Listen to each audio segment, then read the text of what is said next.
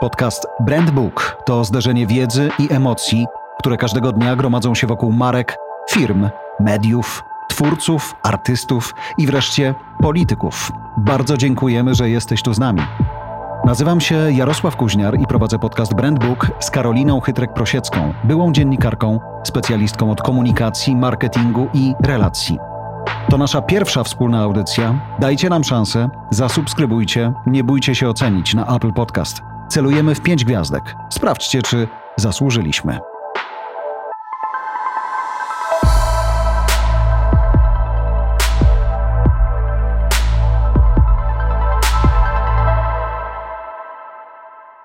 Cieszysz się, że kamery są wyłączone? Tak. Na swój sposób tak. Wiesz, bo jak wstajesz o trzeciej rano i myślisz sobie, o rany, mam nagranie z kuźniarem, e, no to już nie możesz spać do rana, więc lepiej, żeby nie było cię widać. Jak każdy szanujący się dziennikarz starszego pokolenia, który wyszedł z tradycyjnych mediów, postanowiliśmy zabrać się za podcast. To, czy to dobrze, czy źle, to słuchacze ocenią, natomiast czy tobie to jest y, do czegoś potrzebne? Jako twórcy, jako byłemu dziennikarzowi. Lubię oceniać y, rzeczywistość. Ja w ogóle mam taką naturę ekstrowertyczną, w związku z tym, jeżeli mogę z kimś porozmawiać o moich odczuciach dotyczących y, codzienności, a w szczególności komunikacji, która no siłą rzeczy jest mi bardzo bliska. E, A w pandemii, no już szczególnie każde słowo ma wagę. To pomyślałam sobie, że jeżeli tym, tymi ocenami możemy się podzielić z innymi osobami, e, możemy wspólnie wyciągać wnioski, to to może mieć swoją wartość. Wnioski dlaczego? pół biedy, ponieważ będziemy was oceniać, Ale no- szanowni y, politycy, szanowni dziennikarze, szanowni użytkownicy różnych kanałów komunikacji. Ale wiesz dlaczego to jest ważne? Dlatego, że Przybliżyłaś się do mikrofonu, to jest bardzo ważne. Dziękuję. No widzisz, każdy robi postęp, no więc jest szansa, że nasi słuchacze też będą robić postęp słuchając tego, co mówimy.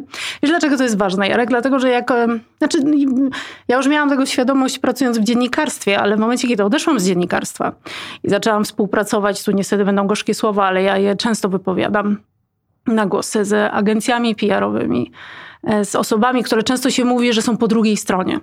E, Ja nie lubię tego sformułowania, dlatego że uważam, że PR i dziennikarstwo, jeżeli PR jest rzeczywiście robiony zgodnie z definicją, to są zawody komplementarne, tak?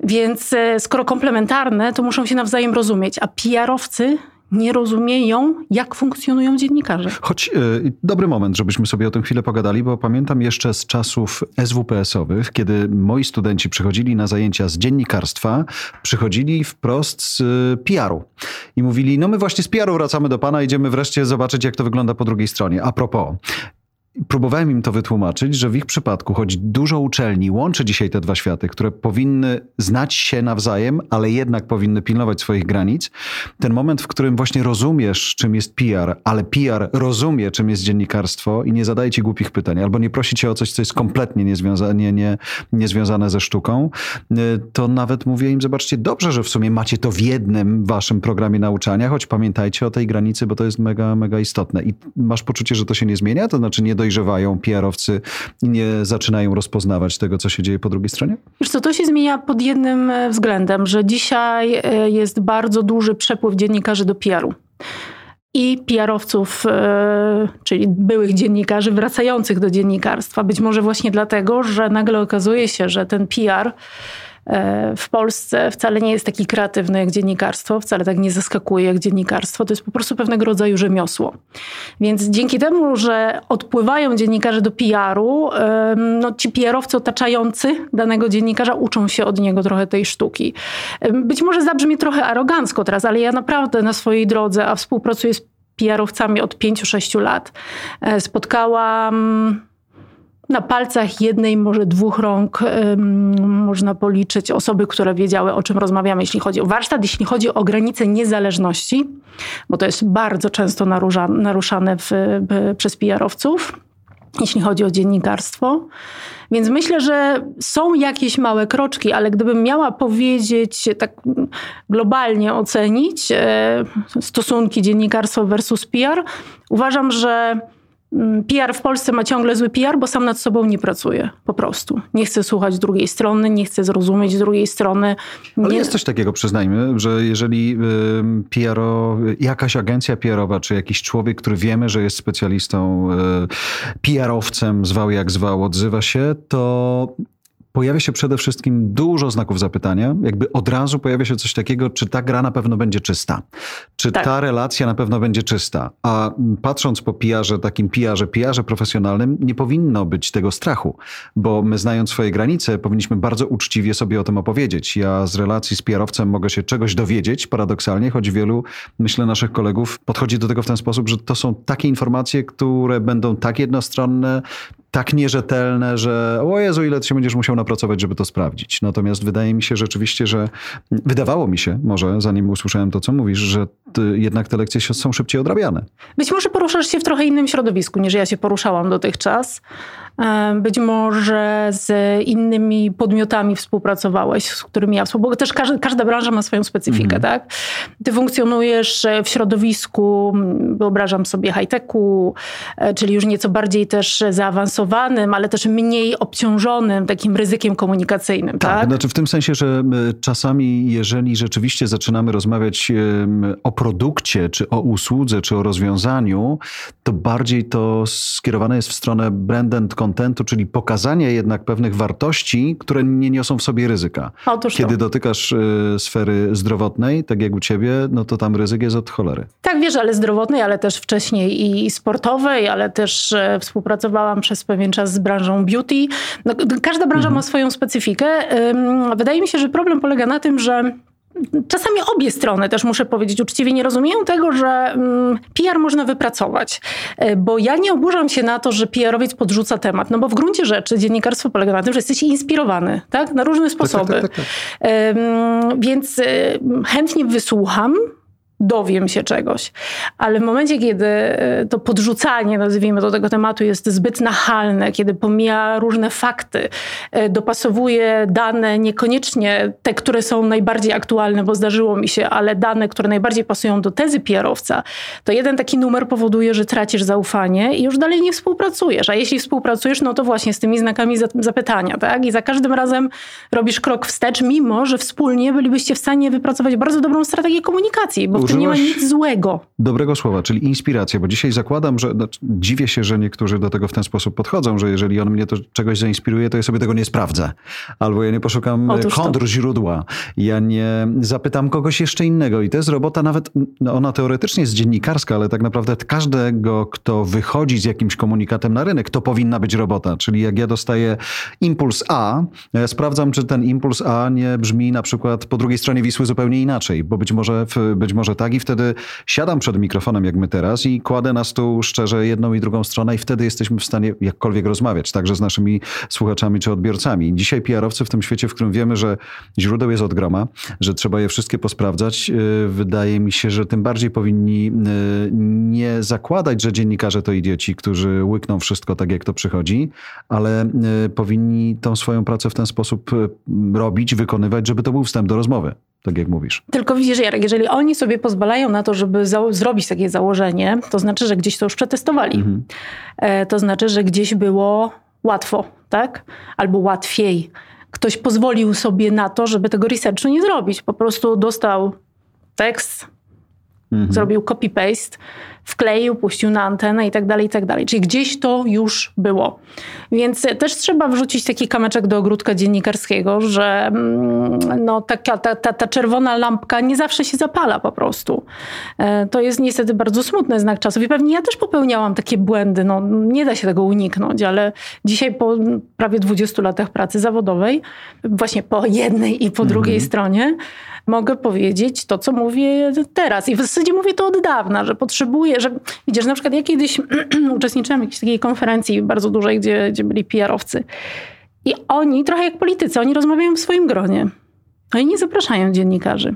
Na warsztaty na przykład, tak? Oczywiście ja rozumiem, że część dziennikarzy odmówiłaby, no bo tak sobie szanuje mhm. swoją niezależność, ale... Nie, ale właśnie zresztą zaraz o tym powiem, bo tak naprawdę odmówienie to nie jest, to jest, jeżeli traktujesz PR jako przeciwnika, to nie odmawiaj mu, idź go poznaj, Otóż będziesz to. mądrzejszy. Otóż to, tak, no i wzajemnie uczcie się mhm. od siebie, tak, bo e, informacja jest towarem, tak, jest popyt, jest podaż, wszystko się zgadza i jedna strona tej informacji posiada, druga strona tej informacji potrzebuje, a czasami to działa też, wiesz, w dwóch mhm. kierunkach, bo czasami dziennikarz ma informację, PR-owiec jej potrzebuje i nie, oszukaj, nie oszukujmy się, ale są obszary, w których taka współpraca i takie wzajemne zaufanie przynosi naprawdę super profity, tak, bo e, czasami PR-owiec, e, czy nie, nieważne, czy on jest in-house'owy, czy on jest w, w danej agencji, ma naprawdę dobre insighty, których dziennikarz potrzebuje, a nie ma możliwości, żeby się dowiedzieć tego tak po prostu z rynku.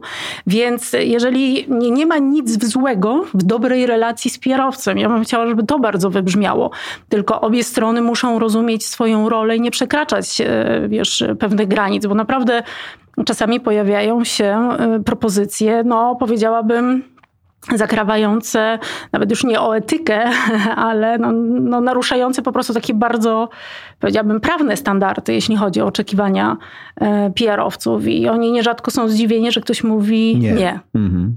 Ale jak to? Ja myślę, że dużym problemem i dla, dla wielu kolegów y, naszych dziennikarzy, ale też i dla, mm, dla słuchaczy jest taka, mm, taka świadomość, że to trochę inaczej dzisiaj zaczyna wyglądać. Ja to przeszedłem w Onecie i cieszę się z tego bardzo, chociaż była to zmiana bardzo, bardzo y, duża ważyłem słowo dramatyczna czy drastyczna. Ona była duża.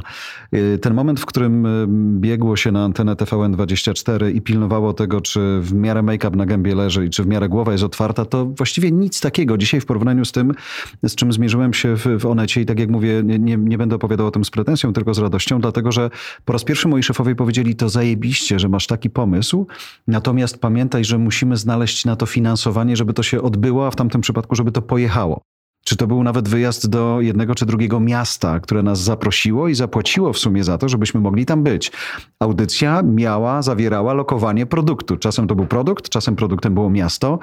I y, w online ta uczciwa gra z widzami, że to się odbywa dlatego, że oni za to nie muszą zapłacić, jest fajna, ale dla mnie to było takie no właśnie, to nie pilnowanie, było... pilnowanie granicy dziennikarskiej. No czyli jak ja y, jestem w, w Katowicach i rozmawiam z prezydentem Katowic, ja mam potrzebę zadać mu każde pytanie. On za cholerę nie powinien powiedzieć nie. A on to jeszcze pół biedy, bo on się pojawi już tylko przed wejściem na antenę. Jego otoczenie nie powinno mieć w ogóle takich oczekiwań. To jest jedna ważna rzecz i ta robota też nie jest jeszcze odrabiana, że komuś się wydaje, że, no, to, to jest oczywiste, że przecież jak pan jest u nas gościem, to pan nie będzie. Będzie. Ale, ale Jarek, przecież najlepszym przykładem są dzisiejsze konferencje prasowe.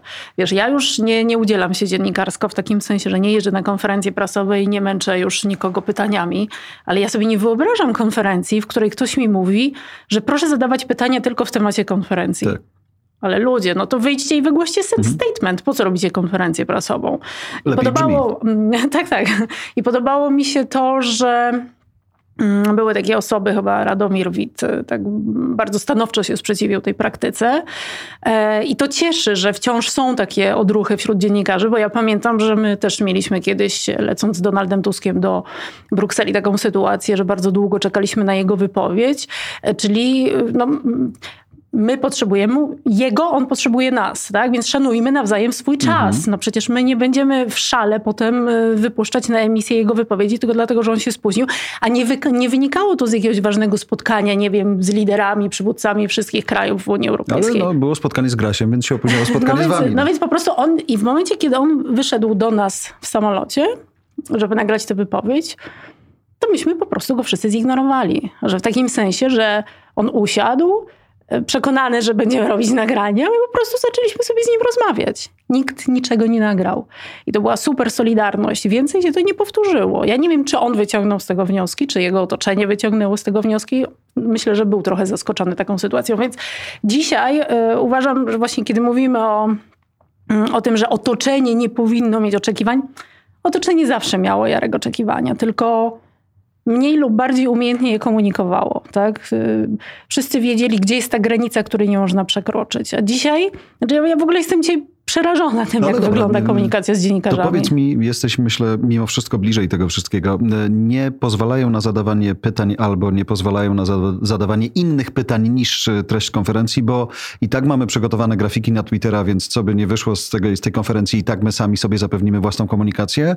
I tak e, dzisiaj akurat mówimy głównie o konferencjach e, tych, którzy rządzą nami, bo są z perspektywy ważniejsi niż ci, którzy są w opozycji, całkiem serio mówiąc.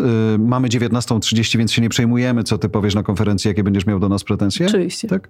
No, okay. nie, no niestety, no obawiam się, że tak to wygląda, że po prostu zostały stworzone własne kanały komunikacji, jakbyśmy Ale mogli to, to tak ładnie nagra, nazwać.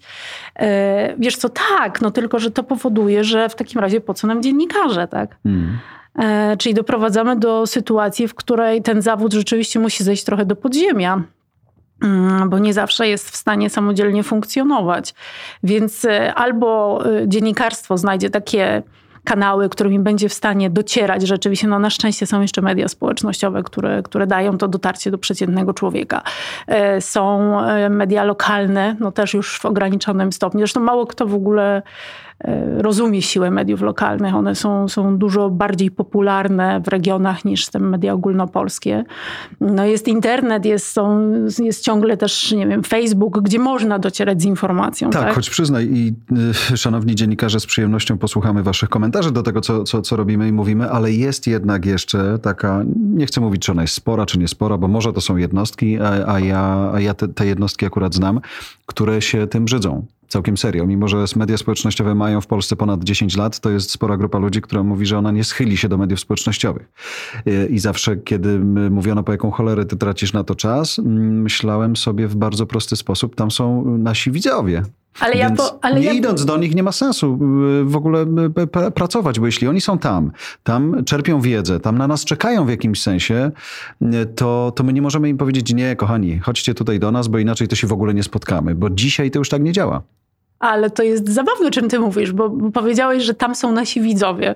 Otóż chcę ci powiedzieć, że ja mm, bardzo często spotykałam się z taką sytuacją, że były osoby, które mówiły, nie, ja, ja to pani nie oglądam w TVN, nie wiem, że pani tam pracuje, ale ja pani nie oglądam, ja panią znam z Twittera. Więc to wbrew pozorom jest bardzo silne medium budujące informacje. Jeżeli niektóre duże media ograniczają obecność dziennikarzy w mediach społecznościowych, to też z tego właśnie powodu, że te informacje zobacz, gdzieś uciekają. No, ja pamiętam nie wszystko rozmowę... jesteś w stanie wpakować na antenę. Tak, ja. ale z drugiej strony zobacz, Adam Pieczyński już nie rządzi TVN24, serdecznie go pozdrawiamy. On e, powiedział wprost, to był chyba 2008 rok, może 9, jakieś początki przygody z Facebookiem, kiedy wprost, używając słów nieparlamentarnych, mówił, że jeżeli jeszcze raz użyje na antenie słowa Facebook albo Twitter, to karton na mnie czeka, że mhm. będę czuły w, w, te, w, tej, w tym cytacie z Adama. I później dopiero po wizycie w Stanach Zjednoczonych, po zobaczeniu jak to działa w CNN-ie, odwróciło się to w drugą stronę. Spróbujmy zrobić z tego coś, co rzeczywiście sprawi, że my będziemy widoczni. Ja rozumiałem go, kiedy on mówi tak, ja ci płacę za garnitur, ja ci płacę za make-up, ja płacę za to, żebyś ty był przygotowany, ja płacę za ciebie na antenie naszej, a nie na antenie Zuckerberga, czy na antenie Jacka z mhm. Twittera. Ale z drugiej strony wydaje mi się, że właśnie umiejętne wykorzystywanie tych y, przestrzeni, które za darmo czerpią z y, wiedzy y, innych i trafienie do tych, którzy są i tam, i tam, czyli zakładam, że są widzowie TVN24, którzy zobaczą sobie, nie wiem, tweet Radomira Wita i przełączą się na antenę, żeby zobaczyć więcej. Po to to ma sens i tylko i wyłącznie wtedy. Nie? Ale tak było często w naszym przypadku, wiesz. Dzisiaj oczywiście mam no, skomplikowaną sytuację, bo wszystko jest zdalne, mm. ale ja pamiętam, ja bardzo często uczestniczyłam w różnych komisjach e, sejmowych. Na tych komisjach się bardzo dużo działo. E, nie było na to miejsca na antenie, więc ja po prostu relacjonowałam to, to na Twitterze. I od czasu do czasu gdzieś mhm. tam wchodziłam na, na przykład do, do Rafała Hirsza czy, czy Marka Teichmana e, z relacją.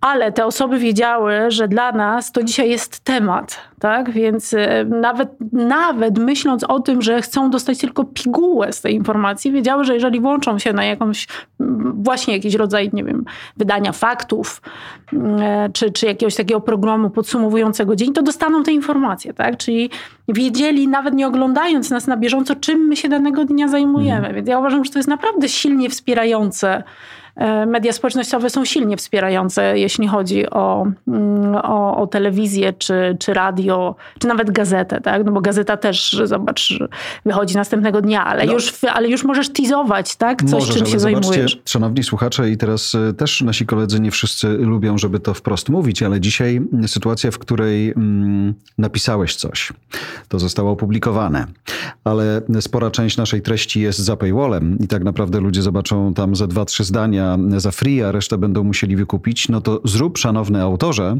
wszystko, żeby chcieli kupić. Tak jest i w Gazecie Wyborczej, tak jest i w, i w Newsweeku, tak jest i w Polityce y, i tak za chwilę będzie wszędzie, bo wszystkie treści będą za paywallem, takim czy innym, więc chciałbym, żebyśmy y, też tutaj w tym y, miejscu i w tym naszym podcaście mieli okazję o tym mówić, jaką zmianę i czytelnicy, i dziennikarze także za chwilę będą przechodzić, być może szczerzej, być może otwarcie o tym mówiąc. I teraz, jeżeli nie masz gdzie powiedzieć czytelnikowi, chodź i przeczytaj mój tekst, to jesteś w dupie. Tak. Tak. E, szczególnie, że twoja Jeżeli pensja... Jeżeli to nie jest twój lojalny czytelnik, Dokładnie. Tak? Szczególnie, że twoja pensja może być uzależniona od tego, ile tych ludzi przyjdzie i zapłaci. Tak. I to jest dzisiaj też y, temat tabu, ale ta podstawa, którą się dostaje i ta y, umowna wierszówka, którą się wyrabia właśnie na tym, że do tego poiwola przeprowadza się jak najwięcej czytelników, to jest cholera bardzo trudne w sumie dla tych, którzy do tej pory mieli do tego dystans, bo dzisiaj oni muszą na rynku bardziej sobą przyciągnąć do dużego medium jak najwięcej czytelników skłonnych do tego, żeby za wartościowy tekst, zakładam, że takim on jest, zapłacili. Znaczy wiesz, to, to chyba zależy też od modelu biznesowego zarządzania redakcją, tak? Bo możesz mieć takie nazwiska, e, które tak czy inaczej są identyfikowane z tym podmiotem, czy ten ktoś jest w socialu, czy go nie ma, to nie i tak przyjdą i go przeczytają. Ale dlaczego go przeczytają? Nie dlatego, że on jest w socialu, tylko dlatego, że inni wrzucą cytat z jego tekstu w socialu. No na przykład, nie? Ale zobacz, tak co robi działa. Paweł Raszka na przykład. Facet, który teoretycznie jest y, w mediach od, od, od lat, ale świetnie dzisiaj wykorzystuje y, nowe platformy do tego, tak. żeby jednak zachęcać ludzi do tego, żeby przeczytali coś na polityce.pl albo w polityce w ogóle.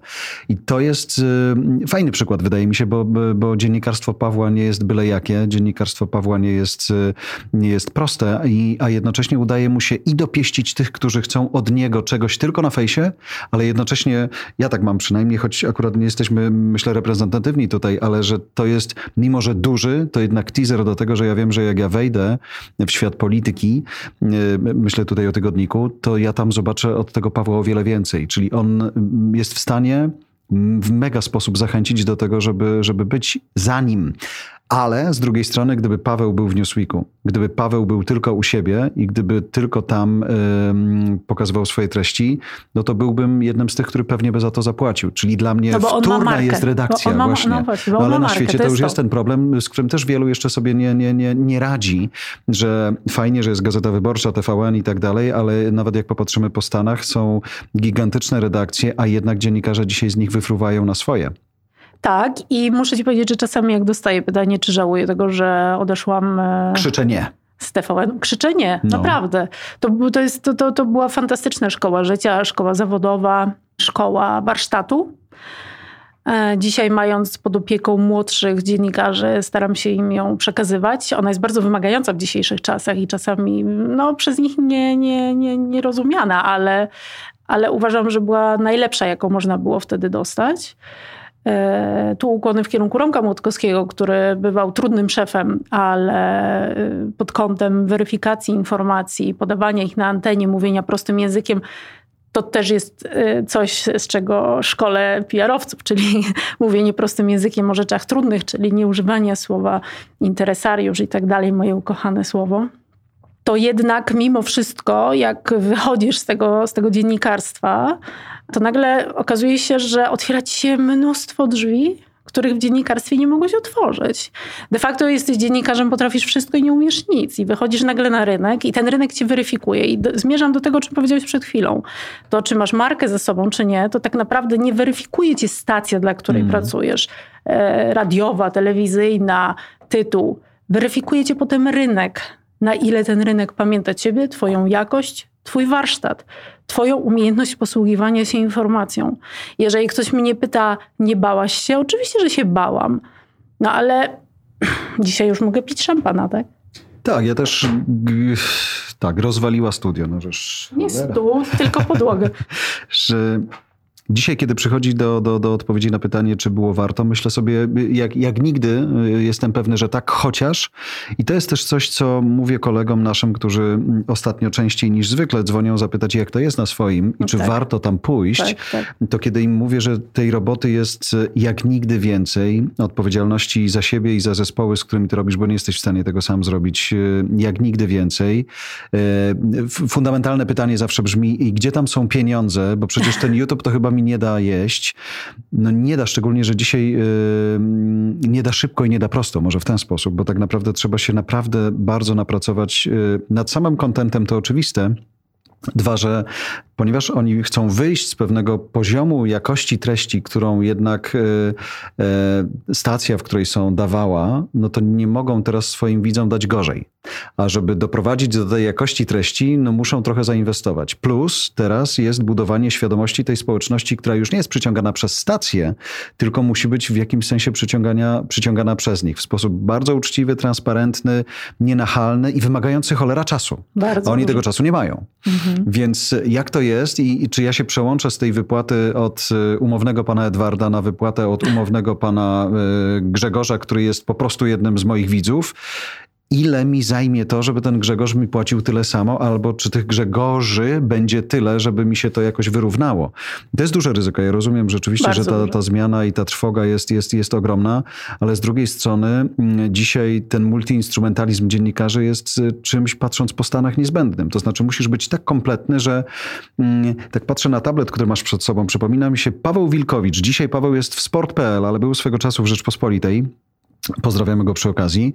I Paweł swego czasu, kiedyś przyszedł na poranny program z tabletem to nie był tak wypasiony jak twój. Jak Waldemar Pawlak. E, I on mówi do mnie, wiesz co, myśmy to dostali wczoraj i teraz nasi szefowie powiedzieli do nas tak, słuchajcie, fajnie, że potraficie pisać, ale od dzisiaj musicie umieć e, pisać tweety zapowiadające konferencję, na którą jedziecie, macie na żywo nadawać z tej konferencji komunikaty, macie nagrać krótkie wideo, macie nagrać krótkie audio, oczywiście macie być aktywni na konferencji, potem błyskawicznie macie ją podsumować w kanałach społecznościowych, macie przyjechać do redakcji, macie napisać tekst na jutro i jeszcze zanim wyjdziecie z redakcji, macie usiąść przed kamerą, zapowiedzieć w formie wideo to, o czym jutro będą mogli przeczytać. I to jest dla mnie ten, ten, jakby też w sumie kwintesencja tego, czego się dzisiaj powinno od dziennikarza wymagać. Zrobienie dobrego zdjęcia, napisanie dobrego komentarza, e, umiejętność nagrania dobrego wideo e, i jednocześnie wykonanie tej roboty, którą się wykonywało lata całe temu, to jest y, obvious. A ja myślę, Jarek, że nie powinno się tego wymagać od dziennikarza. A od kogo? Ja myślę, że powinno się zarządzać zespołem pod kątem jego umiejętności są osoby, które nie czują się dobrze w socialu. Nie wyobrażam sobie, ja na przykład mam w zespole swoim takie osoby, mhm. nie wyobrażam sobie zmuszenia tych osób do tego, żeby one były tam aktywne, eksponowały określone treści, chociażby dlatego, że na przykład mają zupełnie inny sposób myślenia i pisania i nie są w stanie w 140 znakach w sposób dosadny, czasem e, może lekko nawet zgryźliwy, mm. zawrzeć dane informacji. Albo na przykład są no, bardzo powściągliwe w ocenach. musi to robić, no, więc oni powinni przynajmniej... No ale, to dobierasz, no, ale to dobierasz takich ludzi do tych treści, którzy to lubią, potrafią, bo w socialu musisz być z pasją, tam się liczy autentyczność. Nie. Jeżeli dasz kogoś, kto musi machinalnie wykonywać e, określone czynności, to to nigdy nie będzie miał dobrej jakości. Ja myślę bardziej Możesz o takiej kogoś sytuacji, zachęcić. Nie, myślę bardziej o takiej sytuacji, że mam redakcję dziennikarza i mówię mu, słuchaj, świat na zewnątrz trochę się pozmieniał, więc fajnie, żebyś był tam aktywny, tam aktywny, tam aktywny, bo nam się to może przydać. On może powiedzieć nie. Mam taką siłę, że jeżeli, e, jeżeli nie, to wychodzę. Ale z drugiej strony myślę bardziej o tej sytuacji, w której oni są, jeśli tej redakcji nie ma, że dzisiaj bez takich umiejętności nie jesteś w stanie być, być kompletny i być samowystarczalny. Po prostu o to mi chodzi. Jeżeli wychodzisz z tej redakcji, to tak. No tak. To, to już zaczyna być rzeczywiście problematyczne, bo musisz być w przestrzeni publicznej. A dzisiaj gdzie jesteś w przestrzeni? Oczywiście możesz liczyć zawsze na to, że koledzy cię zaproszą jako komentatora do programu, tak? No ale to jest tylko na zasadzie możesz na to liczyć. Ale jeżeli ty masz być twórcą i na sobie y, opierać jakby cały ciężar twojego biznesu, no bo już umówmy się, mhm. stajesz... Tak, to jest biznes, ale wchodzisz w biznes, brakuje tak? mi tego słowa od początku naszej rozmowy, no, że tak naprawdę tak. dziennikarstwo jako takie też jest biznesem. Jest biznesem. Tylko do tej pory o tym wiedziały duże firmy, które to robiły, a dziennikarze wychodzący na swoje też są biznesem. Tylko właśnie biznes może być prowadzony zawsze na dwa sposoby, uczciwie i nieuczciwie. Jeżeli mówimy o biznesie medialnym, on jest o tyle nacenzurowanym, że tam jest rzeczywiście ta granica bardzo wyraźnie postawiona, czy powinna być. I wydaje mi się, że paradoksalnie dzisiaj też ta społeczność to lubi, że jeżeli przychodzą po dobrej jakości treści, są w stanie za nie zapłacić i wtedy na przykład nie chcą widzieć tam innego biznesu, więc nie ma partnerów. Ale z drugiej strony, zanim dziennikarz się zdecyduje na to, żeby, nie wiem, zamknąć swoje treści za paywallem, no jakoś musi sobie tą redakcję ogarniać, więc pojawiają się różne elementy współpracy komercyjnej, ale znów ta komercyjna współpraca to nie jest płacę ci za to, żebyś mnie chwalił, tylko płacę ci trochę jak w Top Gearze wyobrażam sobie, że tak to tam wyglądało tamtym starym, daję ci mój samochód, Powiedz o nim, co chcesz. Dla ale, mnie ważne będzie to, że w ogóle on się tam pojawi. Ale widzisz, i właśnie mm, ja nawet ostatnio się nad tym zastanawiałam, czy y, osoby, które y, prowadzą jednoosobową działalność y, dziennikarską, mhm. tak to nazwijmy, czy one są jeszcze dziennikarzami, czy już nie? Bo w pewnym obszarze muszą pójść na kompromisy, kompromisy komercyjne. Y, praca w redakcji X daje ci ten komfort, że jeżeli ktoś chce wepchnąć ci treści, których ty nie akceptujesz, na przykład w swoim programie, to po prostu mówisz, numer do działu sprzedaży jest taki i taki, tak? Nie obchodzi cię, to masz całkowitą niezależność pod tym względem, tak? Oczywiście musisz się pilnować. Ja nawet miałam teraz taki moment, jak ty wymieniałeś te marki przy okazji Onetu, Lexus, mm -hmm. Volvo, to ja już się wzdrygnęłam, mówię, no tak. Nie możemy, tak?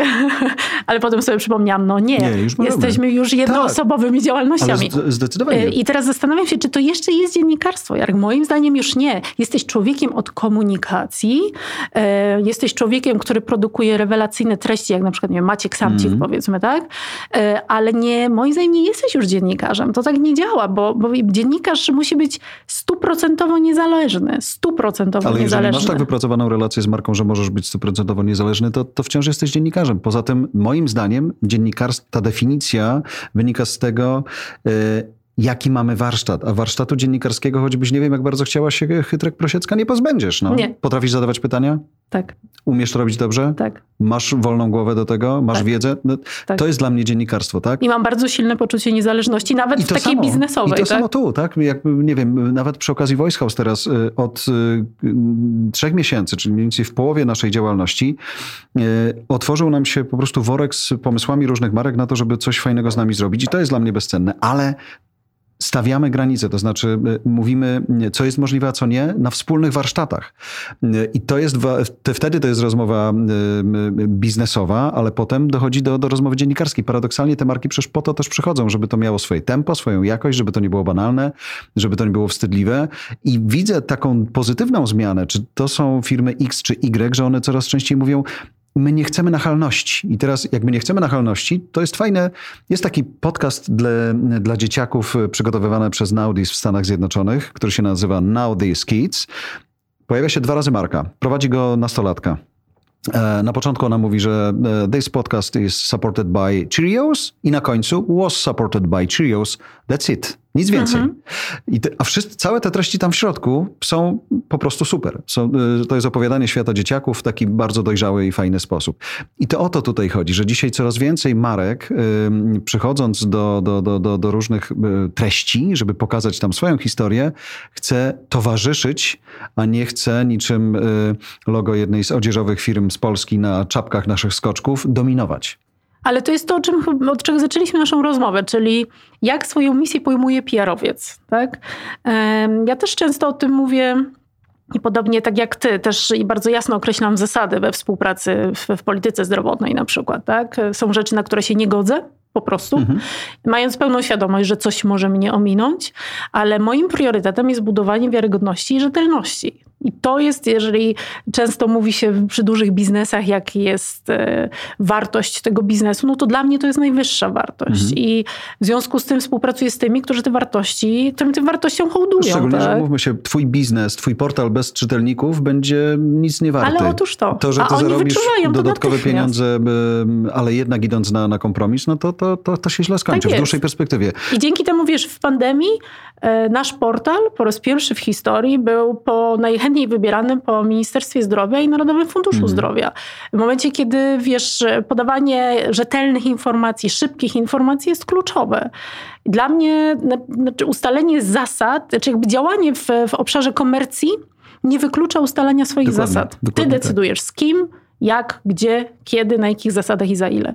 Dzisiaj nawet, zobaczcie, szanowni słuchacze, my zaczęliśmy naszą rozmowę, ponieważ inwestujemy sami w ten podcast, więc jeszcze e, nie usłyszeliście dzięki komu on powstaje, ale może tak się zdarzyć, że usłyszycie, że on powstał dzięki marce X lub Y i pewnie będziemy o niej coś mówili. Natomiast jak popatrzymy na rynek amerykańskich podcastów, to nawet ci, którzy zarabiają gigantyczne na tym pieniądze, poświęcają czasem nawet 11 minut na to, żeby opowiedzieć, że samochód, którym zaparkowali przed wejściem do studia, to jest to i to, podoba im się w tym aucie to i to i to. Natomiast jeżeli to będzie niewiarygodne, to oni daleko nie zajadą I to wie i marka, i autor, y, i, y, i słuchacze, i widzowie. I wydaje mi się, że to jest ta, ta długofalowe podejście, y, budowanie tych, tych relacji na szczerości, uczciwości wraca nawet w tym momencie, w którym powiesz, szanowni widzowie, tak jak mówiliśmy w Onecie, od dzisiaj będziemy jeździli z kubkiem kawy Starbucks. W życiu jej nie piłem, ale, ale dzisiaj, od dzisiaj nie będę przekonywał. Puszczasz oko. Bardzo lubię. Starbucks nie ma z tym problemu. Słuchacze myślą sobie, no dobra, dawaj, co tam będzie? I, i, i bawimy się tym dalej, tak? Tak, bo wszystko jest kwestią tego, jak podasz te treści, tak? No, w Ale telewizji nawet... masz reklamę, zwyczajną reklamę oddzieloną hmm. planszą, a tak. tutaj masz zupełnie coś innego. E, uśmiechałem się nawet do sytuacji, w której e, był moim gościem e, Grzegorz Wójcik, Autenti, kiedyś Onet, później Allegro i teraz partnerem naszej rozmowy jest Google for Startups. Na rocznicę pomyśleli, że pokażą, co robią w Polsce na przykładzie firm, którym, które wspierali i teraz wy, wypuścili y, pewne kawy, aż próbuję sobie tutaj je teraz namierzyć. Więc miałem tych kaw ileś, żeby je tutaj postawić, ale tak, stawiamy je w taki w taki sposób, mówimy nie, no to jest w ogóle, źle to wygląda, wywalamy. I przypomniał mi się case Morning Joe, takiego cudownego amerykańskiego porannego programu, który prowadzi Mika Brzeziński i Joe Scarborough. Dziś już para, E, choć e, taka para, para do, do, domowa, choć była parą tylko zawodową, oni podjęli kiedyś swego czasu współpracę ze Starbucksem właśnie i to była pierwsza telewizja informacyjna, która postawiła na stole kawę Starbucks. E, Mika mm, rozmawiała z kimś i piła sobie frappuccino, czy tam jakkolwiek inaczej ta kawa się nazywała. Kawy dosłownie stały na stole i ile hejtu było ze strony dziennikarzy amerykańskich, że jak to się godzi, w mhm, programie informacyjnym mm -hmm. stoi kawa na stole. Mm, ale jakoś udało im się to wywalczyć i zrobić swoje. Natomiast w Ameryce też y, oni to opowiadają swoją, swoją drogą fajnie w jakimś wspomnieniu. Kiedy oni próbowali zdobyć miejsce na antenie, to telewizja im powiedziała, udowodnijcie, że, że, że to warto. I oni musieli wyłożyć własne pieniądze, żeby się umalować, ubrać, zrobić program, który potem ostatecznie trafił na antenę. Więc wydaje mi się, że im mniej będzie mm, takiej dulszczyzny też w tej relacji widzowie, reklamodawcy, tak, tak właściciele tak, tak, mediów, tak, czy to są hości, czy to są właściciele dosłownie, tym lepiej dla wszystkich, bo to jest ten moment, w którym e, co komu szkodzi powiedzieć, ten dokument 40-minutowy kosztował mnie, nie wiem, 85 tysięcy złotych zrobienie go, wyłożył na niego pieniądze, nie wiem, North Face, Dlatego jestem w kurce North Face'a e, i to wszystko. I teraz ty masz mega content, to jest dla ciebie wartość poznania tego świata, kosztowało to ogromne pieniądze, jest ktoś, kto pozwolił ci to zrobić i ty masz być może jakąś emocję z tą marką, tak? I nie widzę w tym żadnego, żadnego problemu, ale e, są tacy, którzy jednak e, czują, że to kuje. Ale ja też lubię transparentność. Ja na przykład mam takie poczucie, że nawet patrząc, nie wiem, z perspektywy swojej branży, lubię, kiedy dana firma farmaceutyczna robi warsztat o danym schorzeniu, e, wiedząc, że będzie walczyła o to, żeby leki na to schorzenie były dostępne dla pacjentów i się pod tym podpisuje. Po prostu. Dlaczego nie? Nie, Czyli poczekaj, zaprasza dziennikarzy, żeby oni poznali problem, zaczęli o nim pisać, tak. bo to tak. się zaczyna droga walki o to, żeby było to wpisane na listę Dla leków refundowanych. Okay. Ostatecznie, tak. Oczywiście, że jest to biznes, mm-hmm. bo oni na tym zarabiają, no to jest jasna sprawa. Tak. No to, to, nikt tutaj nie, nie, działa na zasadzie charytatywnej. Tak? Rozumiem, że na warsztatach poznasz jedną stronę, po, poza warsztatami poznasz inną stronę i wrócisz do czytelnika z, z Pełną oboma. informacją, tak. Pełną Ale informacją. czy ci, którzy cię zapraszają, to dopuszczą? Pozwolą na to, żebyś zapytała innych? To jest właśnie no to, właśnie. na jakich zasadach, mm. to o czym rozmawialiśmy, na jakich zasadach współpracujesz. Mhm. Jeżeli jasno ustalasz granice i mówisz, słuchajcie, tutaj jest nasz kodeks, my nie robimy tego, nie robimy tego, nie robimy tego, mhm. robimy to, to, to, to i to, nie ingerujecie w to, co my napiszemy. i oni się na to godzą, A godzą? to to jest gentle... Tak, Coraz tak, bardziej? tak, tak, godzą się. Są takie podmioty, które się chętnie na to godzą i, i rzeczywiście, jeżeli się bardzo otwarcie o tym rozmawia, dlaczego jest tak, a nie inaczej. I czasami wręcz, wiesz, taki prosty argument. Słuchajcie, wy potrzebujecie zbudowania wiarygodności, to jest wasz atut. Mhm. To nie, nie możecie ty, przed tym uciekać. Uśmiecham się też patrząc na ciebie, bo dziś mam taki dzień, kiedy nagrywamy ten podcast. Jest Wielki Piątek y, i wydawało się, że będzie spokojnie, więc od rana, y, od rana tych, tych spotkań takich, które miały być bardziej kreatywne jest sporo. I rozmawiałem z Misią Furtak, która Mhm. przyjdzie na Voice House ze swoimi y, podcastami i Misia chce pokazać siebie jako case, Mhm. bo to jest też temat tabu. Y, Misia Furtak chce pokazać na swoim przykładzie, w jakiej wody. dupie są y, dzisiaj artyści. Żeby wytłumaczyć, że jak widzisz na Spotify'u y, milion odsłuchań jakiegoś utworu, to wcale nie znaczy, że autor tego utworu jest milionerem. Spotify być może, ale on nie. I takich mitów wokół tego, ile zarabiają artyści jest sporo. Ona chce pokazać, jak trudne jest to dzisiaj, ich życie, kiedy nie ma koncertów, kiedy płyty no, trzeba wydawać, bo płyta też podsumowuje pewien okres w życiu, a tu mówimy o roku, więc oni te płyty mają, wydają na to swoje pieniądze, które do nich nie wracają, koncertować nie mogą, więc w jaki inny sposób mogą. I teraz proste pytanie, mówię do niej, a gdyby, czy sprawdzałaś, jak wygląda zachęcanie twoich fanów do tego, żeby zapłacili za bilet, może nie tyle samo, ile zapłaciliby za fizyczne spotkanie z tobą w stodole na przykład, czyli nie, nie zapłacą 100 złotych, ale ile są w stanie zapłacić, żeby obejrzeć twój dobrze zrealizowany koncert online? Ona mówi, y, najgorsze jest to, że zamiast kilku tysięcy ludzi y, zapłaci kilkaset i nie zapłacą kilkadziesiąt, tysię- y, kilkadziesiąt złotych, ale kilkanaście. I teraz zobaczcie, mm, y, jaka to jest różnica. I mówimy tylko o jednorazowym wydarzeniu, które nie zapełni ci pensji na rok.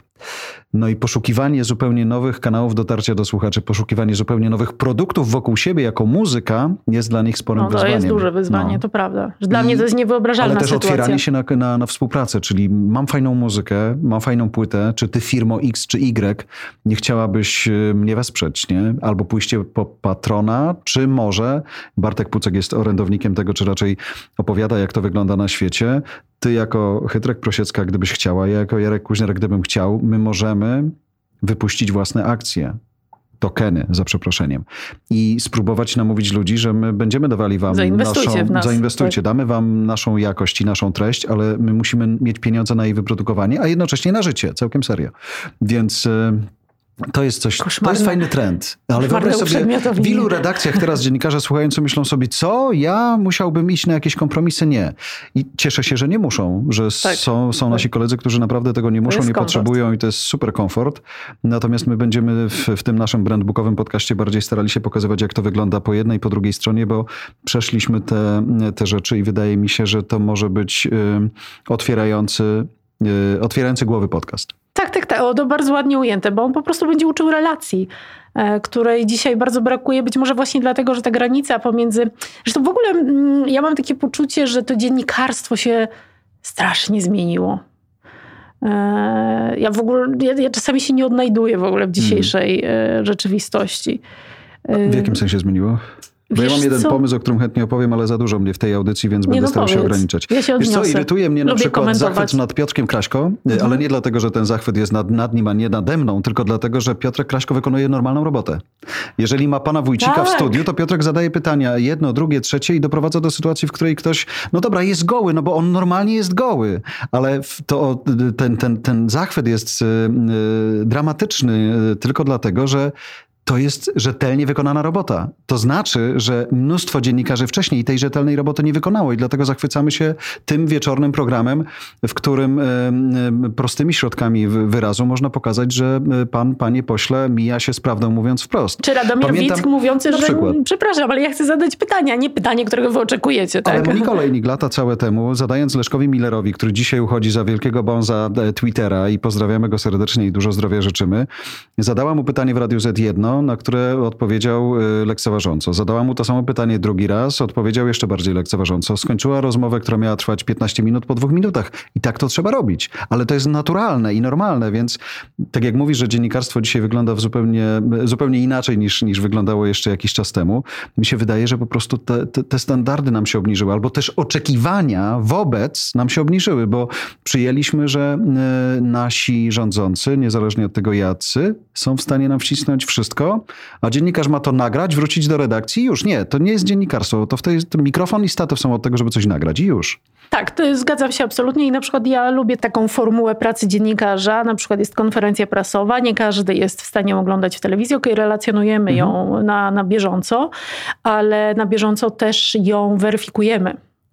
E, czyli jeżeli pojawia się informacja niesprawdzona e, albo informacja, która wzbudza w nas wątpliwość, to nie pisz jej to jest jedno, ale y, w Stanach Tylko to wymaga wiedzy, Jarek, to y, wymaga przygotowania. Wiesz co, albo pracy, pracy całej redakcji, bo w tak. Stanach Zjednoczonych wiele konferencji Trumpowych z ostatniego czasu, szczęśliwie minionego, wyglądało w ten sposób, że dziennikarz jest na konferencji, jak ma szansę, to zadaje temu Draniowi pytanie.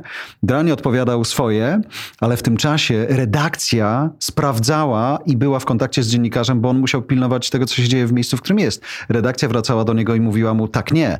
I on, jeśli miał szansę, to był w stanie wrócić do, do, do, do Trumpa i powiedzieć, myśmy sprawdzili. W ogóle ale cała dzisiaj nie masz takiej szansy, bo rzecznik, bo rzecznik rządu mówi, ale proszę, to, tylko jedno to pytanie. To nie jest rola rzecznika rozumiesz? rządu, nie, to jest po prostu... Ale wyłączają tak, no cię po prostu z tego telewizora i nie jesteś w stanie zadać kolejnego pytania. Wiesz, ja pamiętam moje konferencje z Donaldem Tuskiem. Ja bardzo lubiłam te, bo to był taki, taki rodzaj takiego challenge'u, e, te, te konferencje. To były naprawdę czasami bardzo fajne wymiany merytorycznych e, dyskusji, gdzie jeżeli on nie odpowiadał na moje pytanie, to ja nie oddawałam tego mikrofonu, mimo że Paweł Graś się tam mhm. piekli, tylko po prostu zadawałam kolejne pytanie, nawet jeśli musiałam je wykrzyczeć, tak? Nie było na zasadzie, ale kończymy, bo są koledzy.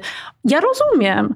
Ja to wszystko rozumiem. Ja jestem koleżeńska, nie ma problemu, tylko ja jestem tutaj po to, żeby pan odpowiedział na pytanie yy, moich widzów w pewnym sensie, tak? Właśnie to jest ten Więc moment, przykro kiedy... mi, no nie, nie można tego tłumaczyć takimi sytuacjami, że są też koledzy. No, no świetnie, no ale to trzeba było się ustawić jako pierwszy czy drugi w kolejce. No trudno. Ale żeśmy się dobrali, tak? Gada jak najęta, ten gada jak najęta, ale bardzo dobrze. Zmierzając do puenty yy, i wydaje mi się, że ona w tym Którego momencie się wątku? fajnie rysuje. Mówiliśmy o dziennikarstwie, jak ono się zmieniło, kim są dzisiaj dziennikarze, jaka jest definicja, czy to są pracownicy mediów, czy to są sprzedawcy, PR-owcy, marketingowcy, czy właśnie reporterzy i dziennikarze. Dzisiaj ta osoba, która zadaje pytania albo próbuje je zadać czasem, ona nie zadaje ich tylko w swoim, w swoim imieniu. I o tym politycy bardzo często zapominają, że dziennikarz to jest ten, za którym stoi opinia publiczna. Nie, nie, nie, Jarek. No jak nie? Właśnie bieżący politycy bardzo dobrze to wiedzą, dlatego często do tych pytań nie dopuszczają. No ale opinia publiczna oczekuje, zakładam, od dziennikarza, który ma trochę większą wiedzę albo większą świadomość niż, niż polityk, że właśnie e, zada takie pytanie, które. Część na pewno. Które e, sprawi, że się dowiemy więcej e, niż, niż polityk chciałby, żebyśmy wiedzieli. Część na pewno, tak. Dlatego właśnie. Mm, dla mnie, nawet jeśli dzisiaj nie masz możliwości jakby dopytywania na tych konferencjach prasowych, choć akurat e, takie chyba instytucja, która jest dzisiaj najbardziej eksponowana, czyli Ministerstwo Zdrowia rzeczywiście robi te konferencje, trzeba przyznać, e, to y, nie relacjonuj na bieżąco, w sensie artykułu tego, co się mhm. wydarzyło, tylko post factum napisz to, ale pomyśl nad tym, co przekazujesz czytelnikowi, widzowi, kimkolwiek jest Odezwą się znowu tacy, którzy powiedzą ej, ej, ej, ej, ej, to już nie będzie dziennikarstwo, bo to już będzie twoja opinia, ale moim zdaniem... Nie ma dzisiaj czegoś takiego, że jeżeli jest 500 partii w Sejmie, to ja mam poznać 500 opinii. Y, nie, muszę tak jak niektóre y, nordyckie media zdecydowały wyłączyć komentarze od swoich widzów czy czytelników, tak samo uważam tutaj. Jeżeli mam wykształconego y, twórcę, dziennikarza, który wie o co pytać, ma wiedzę, więc on nie potrzebuje zapytać każdej możliwej partyjki w Sejmie, dwuosobowej czasem, co ona o tym sądzi, bo wiemy, że to nie ma żadnego znaczenia. Czyli jeżeli my wiemy, że, że nasi dziennikarze wykonali ogromną robotę, żeby napisać fajny artykuł, to my nie chcemy słyszeć, co ty czytelniku masz na ten temat do powiedzenia, bo, e, bo nas to po prostu nie interesuje, bo twoja opinia może być niepodparta faktami, albo może wprowadzić innych w błąd, a my nie po to wykonaliśmy robotę dziennikarską, żeby teraz inni znów zastanawiali się, cholera, prawda czy fałsz? Dzisiaj wydaje mi się, że wygrywać będą ci, po których tekstach ludzie nie będą musieli się zastanawiać, prawda czy fałsz. Wiesz co, ja kiedyś miałam taki spór e, z jednym chyba dziennikarzy sportowych, już nie pamiętam, że dziennikarz. To brzmiało coś w tym stylu, że dziennikarz nie może mieć swojej opinii. To współczuję. No, no więc właśnie, dokładnie to samo pomyślałam. No to znaczy, że jest chochołowy po prostu, tak? tak? Idzie, głosuje, idzie, wybiera, nie musi się z tym obnosić, ale, ale, ale żyje, to, to jest, jest uczestnikiem życia. No jest po prostu jest y, przekaźnikiem informacji, no. a, nie, a nie dziennikarzem. Dziennikarz musi mieć swoją opinię. Oczywiście ona nie może dominować y, w tym, y, o czym on mówi, pisze, co przedstawia, no ale jeżeli on nie potrafi trzeźwo ocenić sytuacji, no to, to, to, to po co ktokolwiek ma go słuchać, czytać, oglądać? To nie ma sensu. Karolina wygrała puentę, brawo. Szanowni słuchacze, bardzo dziękujemy. Rzeczywiście umawialiśmy się, tak ja powiedziałem, wiesz co, pierwszy zróbmy taki króciutki, przedstawimy się, wspomnimy swoje stare czasy telewizyjne, a później e, nagramy odcinek pierwszy, a to było dopiero intro. Karolina Chytrek-Prosiecka, Jarosław Kuźniar. Dziękuję. Mamy nadzieję, że mm, wytrwacie z nami przy kolejnych odcinkach. E, za moment e, najbliższa, już oficjalna pierwsza audycja. Chcielibyśmy skupić się na komunikacji szeroko pojętej, prawda? Czasem tak. będziemy dotykali PR-u, czasem marketingu, wrócimy sobie do dziennikarstwa, natomiast y, wielu kampanii, które są społeczne czy inne, też y, dotkniemy i je ocenimy. Mam nadzieję, że będziemy Was irytować, drażnić, a czasem przytulać. Ale chętnie też będziemy inspirowani pytaniami naszych słuchaczy na przykład, albo naszych kolegów, którzy powiedzą, no dobra, dobra, mądrale, to powiedzcie, jak robi się to i to. Serdecznie zapraszamy. Dziękujemy za Twoją uwagę. Oceń tę naszą rozmowę. Co o niej sądzisz? Zasubskrybuj nasz podcast. Znajdziesz nas na każdej platformie podcastowej, w każdym kanale social mediowym. Czekamy na Twój feedback i pięć gwiazdek na Apple Podcasts. Daj znak, szczerze i na temat. Zapraszam też na stronę Voice House po więcej dobrej treści.